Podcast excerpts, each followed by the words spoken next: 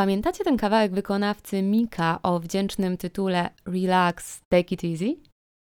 Mi kojarzy się on z licealnymi dyskotekami, kiedy to wszyscy podczas refrenu głośno krzyczeliśmy i spokojnie oszczędzę wam tego krzyku, ale krzyczeliśmy tekst refrenu piosenki, czyli właśnie to Relax, Take It Easy. I nie wiem, czy wsłuchiwaliście się kiedyś w tekst tego kawałka, bo tak swoją drogą to on z relaksem ma niewiele wspólnego. No i właśnie, a jak jest z tobą? Na ile w skali od 1 do 10 umiesz się zrelaksować? Cześć, z tej strony Joanna Toboła Pieńczak, a to jest podcast Slow Talks, krótkie opowieści pomagające w samopoznaniu i w rozwoju samoświadomości. Zapraszam na odcinek numer 12. Myślę, że ci, którzy już mnie trochę znają, to nie zaskoczę Was tym, że zacznę od tego, że odpoczynek jest ważny, a wypoczęty organizm funkcjonuje po prostu lepiej. Z drugiej strony, tak się zastanawiam, czy my w tych dzisiejszych czasach w ogóle potrafimy odpoczywać. No bo na ile w świecie, w którym przebodźcowanie jest na porządku dziennym, jesteśmy w stanie tak naprawdę rozluźnić się i oddać relaksowi? Jak bardzo umiemy skupić się na tu i teraz i odseparować od natrętnych myśli? I czy w ogóle dobrze, e, choć na chwilę tak wyłączyć się ze świata i skupić się tylko na sobie? Jak wiele pytań i postaram się na nie znaleźć odpowiedzi dalej. No bo zacznę od tego, że taki kapitalizm na przykład wynosi na sztandary hasła jak bez pracy nie ma kołaczy, wyśpię się po śmierci, albo kto za dużo odpoczywa, ten nie ma co wziąć na ząb.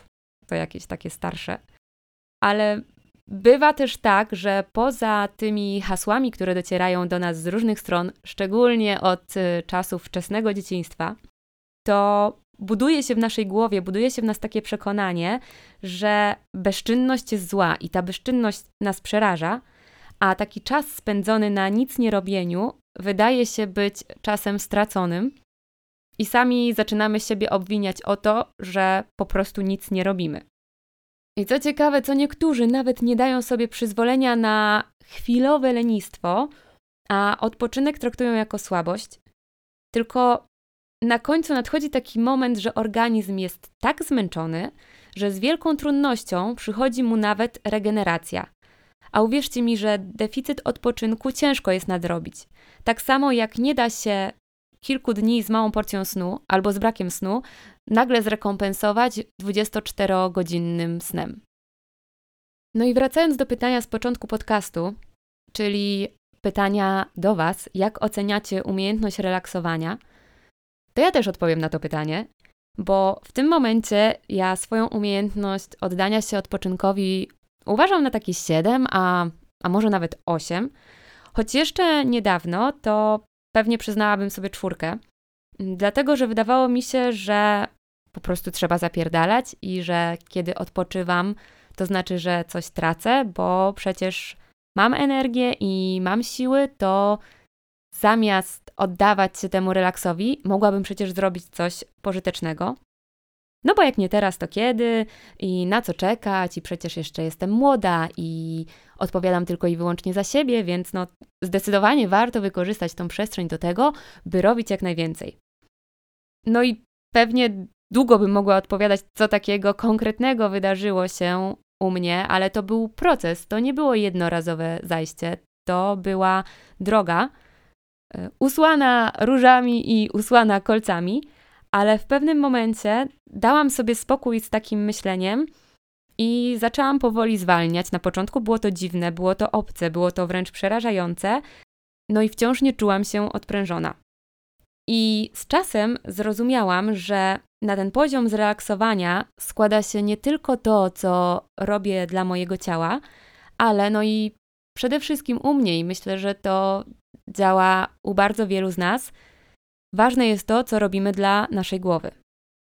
Ja wiem, ciężko te rzeczy od siebie rozłączyć, jednak na potrzeby tych dalszych moich rozkmin będę traktować je oddzielnie, czyli osobno potraktuję odpoczynek dotyczący tego, co możemy zrobić dla ciała, jak to ciało zrelaksować, i osobno to, co możemy zrobić dla głowy. Swoją drogą, nie ma też jednej takiej właściwej bazy pomysłów na to, jak sprawić, by być wypoczętym i zrelaksowanym, no bo każdy z nas może mieć taki swój własny sposób, tylko właśnie istotą jest to, żeby ten swój własny sposób znaleźć, być jego świadomym i korzystać po prostu z niego. No i zastanowić się, czy faktycznie ta nasza droga do odpoczynku, do relaksacji dba zarówno o ciało, jak i o umysł. Na początku będzie moja historia, być może kogoś z Was zainspiruje, bo moje ciało odpoczywa, kiedy praktykuję jogę, kiedy mam orgazm, gdy masuję twarz albo idę na masaż, gdy świadomie oddycham albo leżę z zamkniętymi oczami na plecach. Odpoczywa też, gdy piję uważnie poranną kawę, siedząc na kanapie i nie zajmując się masą innych rzeczy. Odpoczywa też, kiedy pływam w basenie. Daję mu po 7-8 godzin snu, poszczę przez 16 godzin na dobę i w ten sposób pozwalam też mojemu ciału zregenerować się od środka.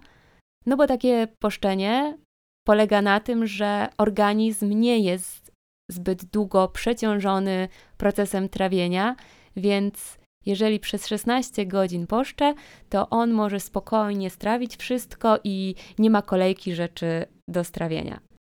Ale wracając, moje ciało odpoczywa, gdy go posłucham i nie zrobię treningu, chociaż bardzo lubię treningi i one bardzo dobrze wpływają na moje ciało, ale nie wtedy, kiedy moje ciało krzyczy, że potrzebuje przerwy. Odpoczywam też, kiedy się śmieję, kiedy żartuję, kiedy spotykam się z bliskimi i wymieniamy się swoimi myślami. Wiem też, że moje ciało odpoczywa i relaksuje się, kiedy nie mam grymasu na twarzy, kiedy nie mam spiętych barków, e, zaciśniętej szczęki.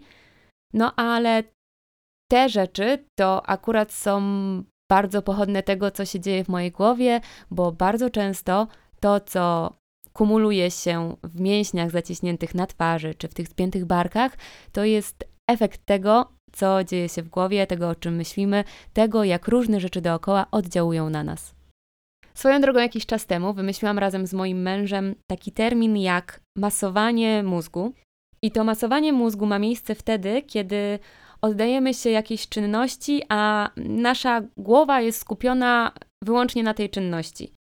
To jest taki moment, kiedy staramy się zarówno nie rozpamiętywać przeszłości, jak i nie wybiegać myślami w przyszłość, nawet tą bliską, nawet ten moment, kiedy je się śniadanie, a myśli się o kolacji. To jest dla mnie wybieganie myślami w przyszłość.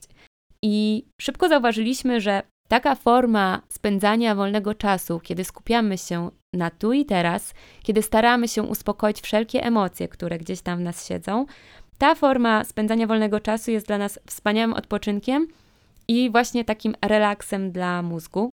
I w ostatnim czasie nasze ulubione formy masowania mózgu to na przykład granie w Scrabble, super wyłącza ze świata, słuchanie mantr, zabawa z kotem, medytacja, wieczorne rozmowy przy zapalonych kadzidłach, bez telefonu, nawet bez muzyki, żeby słuchać się w takie dźwięki natury, czy po prostu wsiadanie na skuter i jechanie gdzieś bez celu, szczególnie wieczorami. I ja tak sobie myślę, że taki oddech, takie wyłączenie się ze świata, taki wręcz emocjonalny urlop niezbędny jest każdemu z nas, bo pomaga trochę złapać dystans do tego, co się dzieje, nabyć siły na to, co nadchodzi, bo zmęczenie powoduje, że działamy na takim autopilocie. Mamy zwolniony refleks i jesteśmy bardziej narażeni na przykład na infekcje, więc nasze ciało jest podatne na choroby, no a choroby osłabiają nie tylko ciało, ale i głowę, no bo musimy poddać się czemuś, co jest od nas niezależne. Za to wysłanie umysłu na taki krótki urlop sprawia, że wzrasta nasza kreatywność, podnosi się produktywność i obniża też niepokój. Zauważcie, że świeże pomysły zazwyczaj przychodzą nam do głowy nie wtedy, kiedy ta głowa jest intensywnie wytężana, a wtedy, kiedy dajemy naszym myślom tak swobodnie płynąć. Na przykład pod prysznicem, podczas uprawiania jakiegoś sportu, przy zasypianiu szczególnie, mm, czy przy jakiejś czynności, która jest przyjemna i nie powoduje, że zmuszamy nasz mózg do tego, żeby gdzieś tam procesor się przegrzewał. I ja wyobrażam sobie to tak, że gdy robimy coś przyjemnego dla nas, to dostarczamy do naszego umysłu i ciała, nazwijmy to, witaminy przyjemności.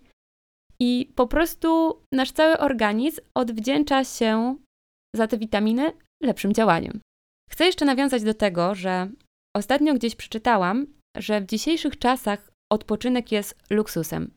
I tak, z mojej perspektywy, odpoczynek jest luksusem, na który stać bardzo wielu z nas, dlatego że mocno wierzę, że posiadanie lub nieposiadanie przestrzeni na ten luksus zależy od naszych decyzji. I tutaj wracam trochę myślami do pierwszego odcinka podcastu o priorytetach i o braku czasu. No bo jeśli ustawimy sobie odpowiednio wysoki priorytet na odpoczynek, wtedy podświadomie możemy zacząć kreować dla niego przestrzeń. Jeżeli borykamy się natomiast z przekonaniami, że odpoczynek jest zły i właśnie, że bez pracy nie ma kołaczy i należy zapierdalać, wtedy wręcz blokujemy naszą głowę i trudno nam prowadzić ją ku temu, żeby znalazła przestrzeń do tego, żeby się zrelaksować. I często, jak czegoś nie mamy, wydaje nam się, że aby to dostać, trzeba zainwestować w to bardzo dużo siły, e, bardzo dużo pieniędzy i czasu. No i sorry, ale ja uważam, że nic bardziej mylnego, bo wcale nie potrzeba wiele, żeby wejść na jakiś wyższy poziom odpoczynku czy wyższy poziom zrelaksowania niż ten, na którym obecnie jesteśmy. Bo na przykład nawet 10 minut spokojnego, świadomego oddychania może pomóc w poluzowaniu napięć, złapaniu jakiegoś dystansu, ostudzenia emocji. No i to możesz sobie wyobrazić, że będzie po prostu taki mikrourlop dla głowy. Bo nie zawsze musi to oznaczać, że potrzeba 24 godzin tygodnia, czy nawet miesiąca do tego, żeby w końcu odpocząć. Czasami wystarczą te małe czynności, bo suma tych małych rzeczy może w dłuższej perspektywie przynieść bardzo dobre rezultaty, bo taki mikroodpoczynek stanie się jakąś naturalną rzeczą dla ciebie i takim nowym nawykiem. Zamknę ten podcast dwoma pytaniami, które pozwolą ci zweryfikować, czy inwestujesz zarówno w odpoczynek ciała, jak i umysłu. Dlatego zachęcam, znajdź chwilę dla siebie i zastanów się, w jaki sposób dbasz o odpoczynek swojego ciała i w jaki sposób dbasz o odpoczynek swojego umysłu.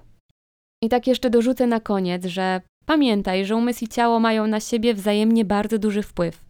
Jeśli czujesz w środku złość, niepokój, poddenerwowanie, to twoje ciało będzie najprawdopodobniej sztywne i spięte. Jeśli natomiast twoje ciało jest zmęczone, głowa będzie mniej wydajna i w ramach protestu będzie domagała się przerwy. Jeżeli zauważysz, że nie dbasz o odpoczynek ciała lub umysłu, albo chcesz mocniej o to zadbać, weź kartkę i wypisz na niej swoje pomysły na to. Wybierz jeden z nich i zacznij go testować. Mam nadzieję, że odcinki tego podcastu są również dla Ciebie takim masowaniem mózgu i chwilą odpoczynku. Przypominam, że na co dzień jestem obecna na Instagramie, gdzie pokazuję życie na Bali i podróże w głąb siebie. Do usłyszenia w kolejnym odcinku.